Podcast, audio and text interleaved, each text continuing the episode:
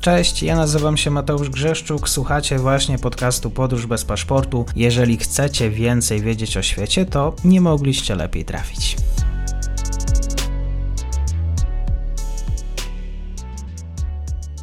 Dzień dobry wszystkim słuchaczom. Mam dzisiaj wielką przyjemność już po dłuższej przerwie ponownie gościć pana ambasadora Witolda Śmidowskiego, polskiego politologa, orientalistę, dyplomatę, bo pan ambasador i w Iranie, i w Arabii Saudyjskiej pełnił swoją służbę. Dzień dobry panie ambasadorze. Dzień dobry panu, dzień dobry państwu.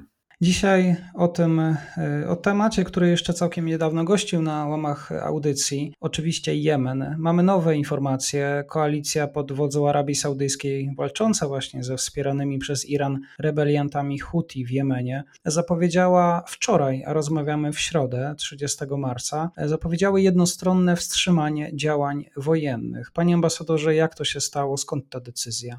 Decyzja jest y, naturalną decyzją, dlatego że wiąże się e, z okresem ramadanu, w który niedługo wejdziemy, więc należy to interpretować jako decyzję o charakterze humanitarnym, ale też kulturowym. Podobnego decyzje już zapadały, miały miejsce wcześniej zapadały również wcześniej. Także nie jest to nic dziwnego, choć oczywiście decyzja ta nastąpiła w bardzo gorącym momencie dla regionu, a mianowicie nastąpiła całkiem niedawno po atakach najpierw na Zjednoczone Emiraty Arabskie, później atakach na Jeddah, gdzie zniszczono zbiorniki należące do Saudi Aramco. Decyzja też oczywiście nastąpiła po odwetowych działaniach ze strony e, saudyjskiej i nastąpiła również w momencie, kiedy w Riyadzie toczą się rozmowy, które zostały zignorowane e, przez stronę Houthi. Więc y, jak widać, bardzo wiele się dzieje przed okresem Ramadanu. I są to decyzje, które, które na jakiś czas pewnie konflikt e,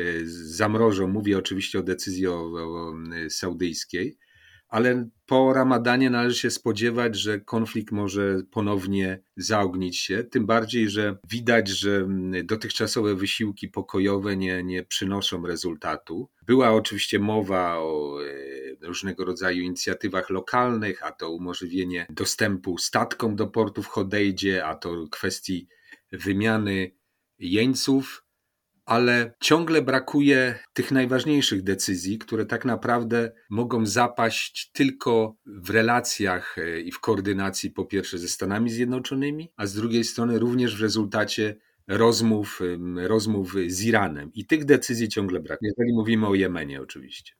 Jak właściwie dzisiaj wygląda ta sytuacja wewnętrzna w samym Jemenie? To znaczy, oczywiście mówimy o kryzysie humanitarnym, kryzysie wewnętrznym. Jeżeli chodzi o te czynniki polityczne, stabilizację, no, sytuacja w Jemenie jest na pewno bardzo trudna, dlatego że Jemen zawsze był y, krajem, który był podzielony, podzielony pod względem geograficznym, podzielony pod względem etnicznym i pod względem religijnym, ale te wszystkie zjawiska uległy nasileniu, tym bardziej, że wojna toczy się już 7 lat. Mamy więc do czynienia po pierwsze z ogromną falą uchodźców, która popłynęła do krajów ościennych, po drugie mamy do czynienia z przemieszczeniem się również e, ogromnej ilości ludności na terenie samego Jemenu.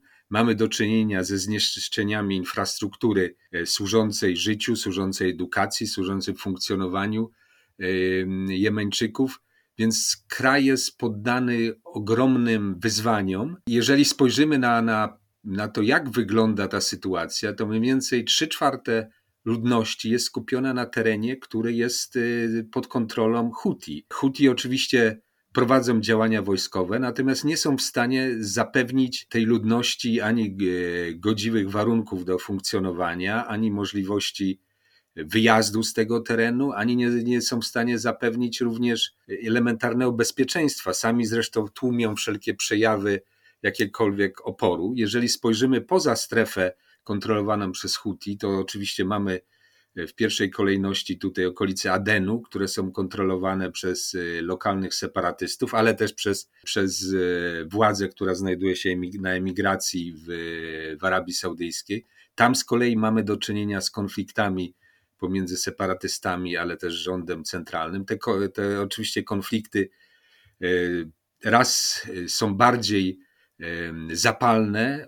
Arabia Saudyjska, Emiraty starają się je wyciszyć, choć ten moment rywalizacji pomiędzy tymi ośrodkami jest bardzo silny na południu. Jeżeli mówimy o pozostałe obszary Jemenu, często władze sprawują tam tak naprawdę plemiona, które e, też często współpracują z miejscowymi komórkami różnych ugrupowań o charakterze radykalnym. Więc Jemen jest w stanie defragmentacji i to wpływa katastrofalnie na sytuację ludności cywilnej. Oczywiście mamy też do czynienia z blokadą, jeżeli chodzi o dostęp żywności, dostęp środków medycznych. Jest to blokada, która ma na celu oczywiście wywieranie presji na, na szczególnie na Huti, żeby zgodzili się na, na prowadzenie e, ewentualnych rozmów, ale też żeby zmienili swoje nieprzejednane stanowisko, jeżeli chodzi o propozycje saudyjskie czy propozycje koalicyjne.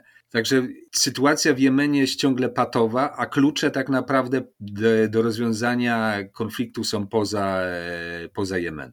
Jeżeli już mamy pana ambasadora, tutaj temat pojawia się Arabii Saudyjskiej, zastanaw- może skupmy się chwilkę właśnie na samych Saudach. Zastanawia mnie fakt, czy Arabia Saudyjska zdecyduje się na wyrzucenie Rosji z OPEC+. Pytanie, czy ta wojna w Ukrainie w jakiś sposób będzie i ma wpływ na decyzje podejmowane przez po pierwsze naftowe kartele, przez Saudów, jak Saudowie zapatrują się na to, co się dzieje na wschodzie. Saudowie bardzo uważnie obserwują e, konflikt i bardzo obserwują uważnie agresję rosyjską e, w stosunku do Ukrainy. Obserwują to po pierwsze, ze względów związanych oczywiście z, z, polityką energetyczną, i w tej kwestii polityka saudyjska jest bardzo interesująca, dlatego że całkiem niedawno Abdulaziz bin Salman, czyli brat młodego następcy tronu, a, a syn króla, powiedział, że Arabia Saudyjska zawsze stara się rozdzielić kwestie energetyczne od kwestii politycznych. To znaczy, uważa się, że Arabia Saudyjska e, powinna oczywiście e, dokonać korekty swojej polityki i doprowadzić do usunięcia, znaczy doprowadzić do zwiększenia wydobycia i oczywiście starać się wyeliminować e, Rosjan z rynku e, naftowego. Natomiast tak naprawdę Saudyjczycy starają się wykorzystać tą sytuację jako pewien instrument nacisku na Stany Zjednoczone, dlatego że w, dla strony saudyjskiej kwestie energetyczne są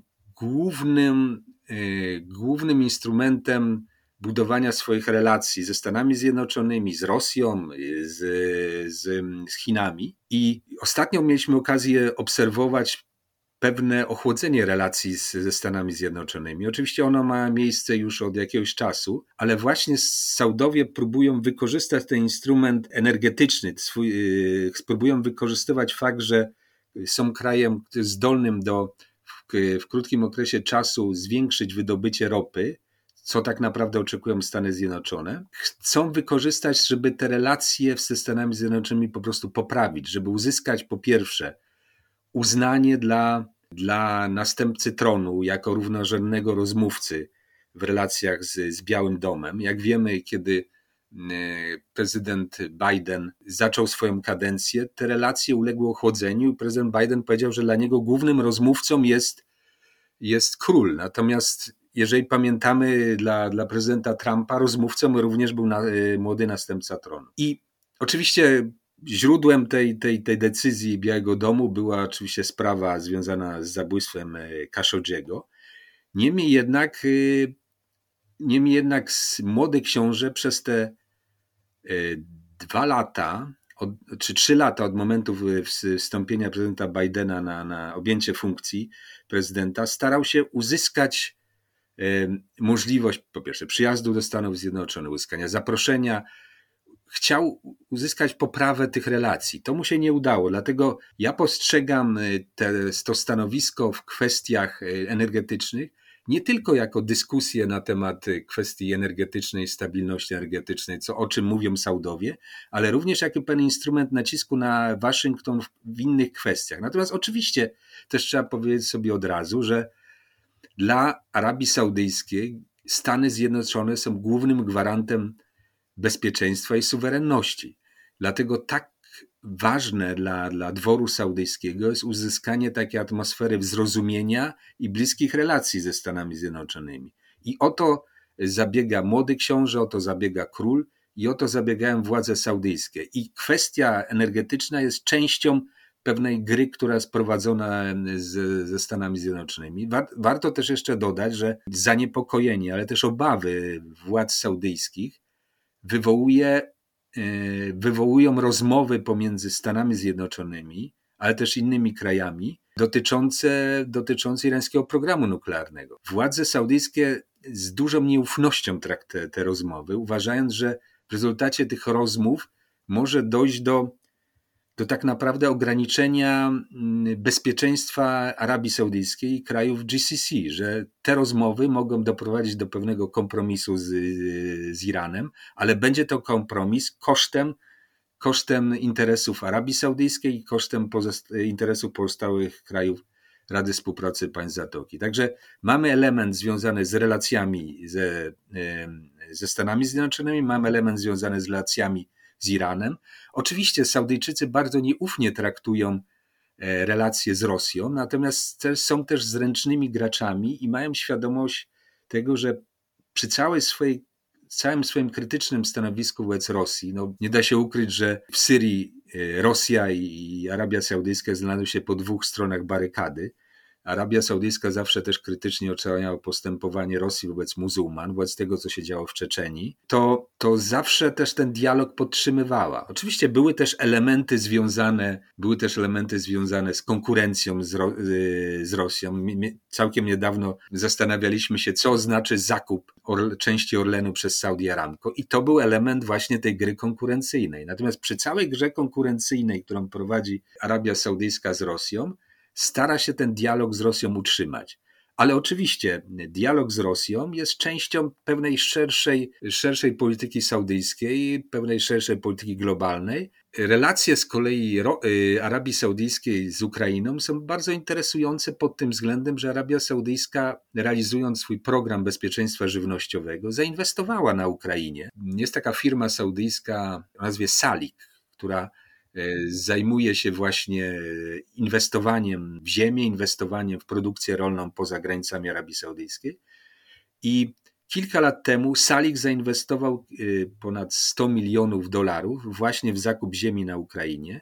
Zresztą Salik też inwestuje w Polsce, czy inwestował w Polsce. E, więc te elementy związane z bezpieczeństwem żywnościowym też są dla Arabii Saudyjskiej ważne. Notabene Ukraina była głównym dostawcą jęczmienia dla Arabii Saudyjskiej. I ta współpraca też z Ukrainą była też o tyle ciekawa, że od chyba roku otwarto połączenia lotnicze pomiędzy Arabią Saudyjską a Ukrainą. Ukraińcy mieli i Saudyjczycy mieli możliwość przyjazdu do Arabii Saudyjskiej, y, mieli możliwość Saudyjczycy przyjazdu do Ukrainy bez wiz, więc y, na Ukrainie pojawiła się całkiem grupa spora turystów właśnie z Arabii Saudyjskiej.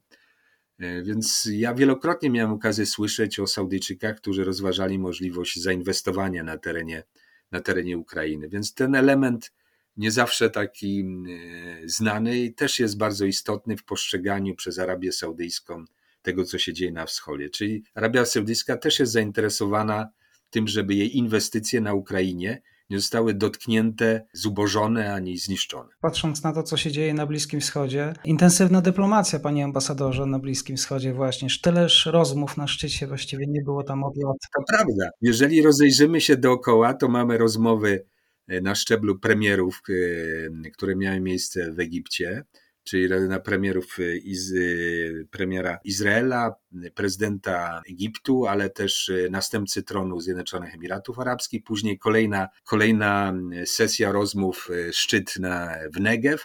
Czy widać, że mamy do czynienia z ogromnym ożywieniem dyplomatycznym, który dotyczy po części oczywiście tego, co się dzieje w Europie, ale po części dotyczy właśnie, to, to dotyczy właśnie tego dylematu, jak dalej postępować w stosunku do, do Iranu i na ile te rozmowy toczące się w Wiedniu y, mogą wpłynąć na region. Widać, że tutaj stanowisko stron jest dosyć zbliżone. Mówię o stronach, czyli mówię o Izraelu, mówię o krajach, krajach takich jak Zjednoczone Emiraty Arabskie, Bahrain. Arabia Saudyjska nie uczestniczy w tych rozmowach bezpośrednio, natomiast oczywiście jest konsultowana i po rozmowie z udziałem y, ministra spraw zagranicznych Stanów Zjednoczonych, y, ministra spraw zagranicznych Izraela i ministrów spraw zagranicznych Maroka, Bahrajnu i i Emiratów.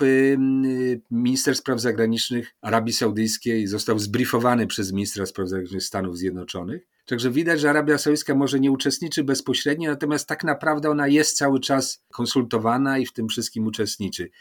Widać, że też, że ten przełom, o którym się mówiło, jeżeli chodzi o relacje, o relacje z Iranem, nie następuje. Nie następuje na pewno dlatego, że te oczekiwania po pierwsze były zbyt duże zagadnienie jest zbyt skomplikowane i, i zbyt dużo jest też stron, które jest w to zaangażowane, których interesy są, powiedzmy sobie, rozbieżne w stosunku do tego, co, co Amerykanie czy też Europa chciałaby osiągnąć w relacjach z Iranem, dlatego że kraje Zatoki uważają, że te rozmowy z Iranem, ewentualnie zniesienie sankcji, nie mogą doprowadzić do tego, żeby Iran zaczął e, jeszcze bardziej aktywnie w ich rozumieniu ingerować na terenie, na terenie regionu. Czy to, czy to na terenie Syrii, czy to na terenie e, Jemenu, chociaż oczywiście na, na terenie Jemenu to mamy cały czas do czynienia z dużym zaangażowaniem irańskim, ale, ale widać, że, że jest obawa ze strony krajów Zatoki, że, że takie rozmowy mogą się odbyć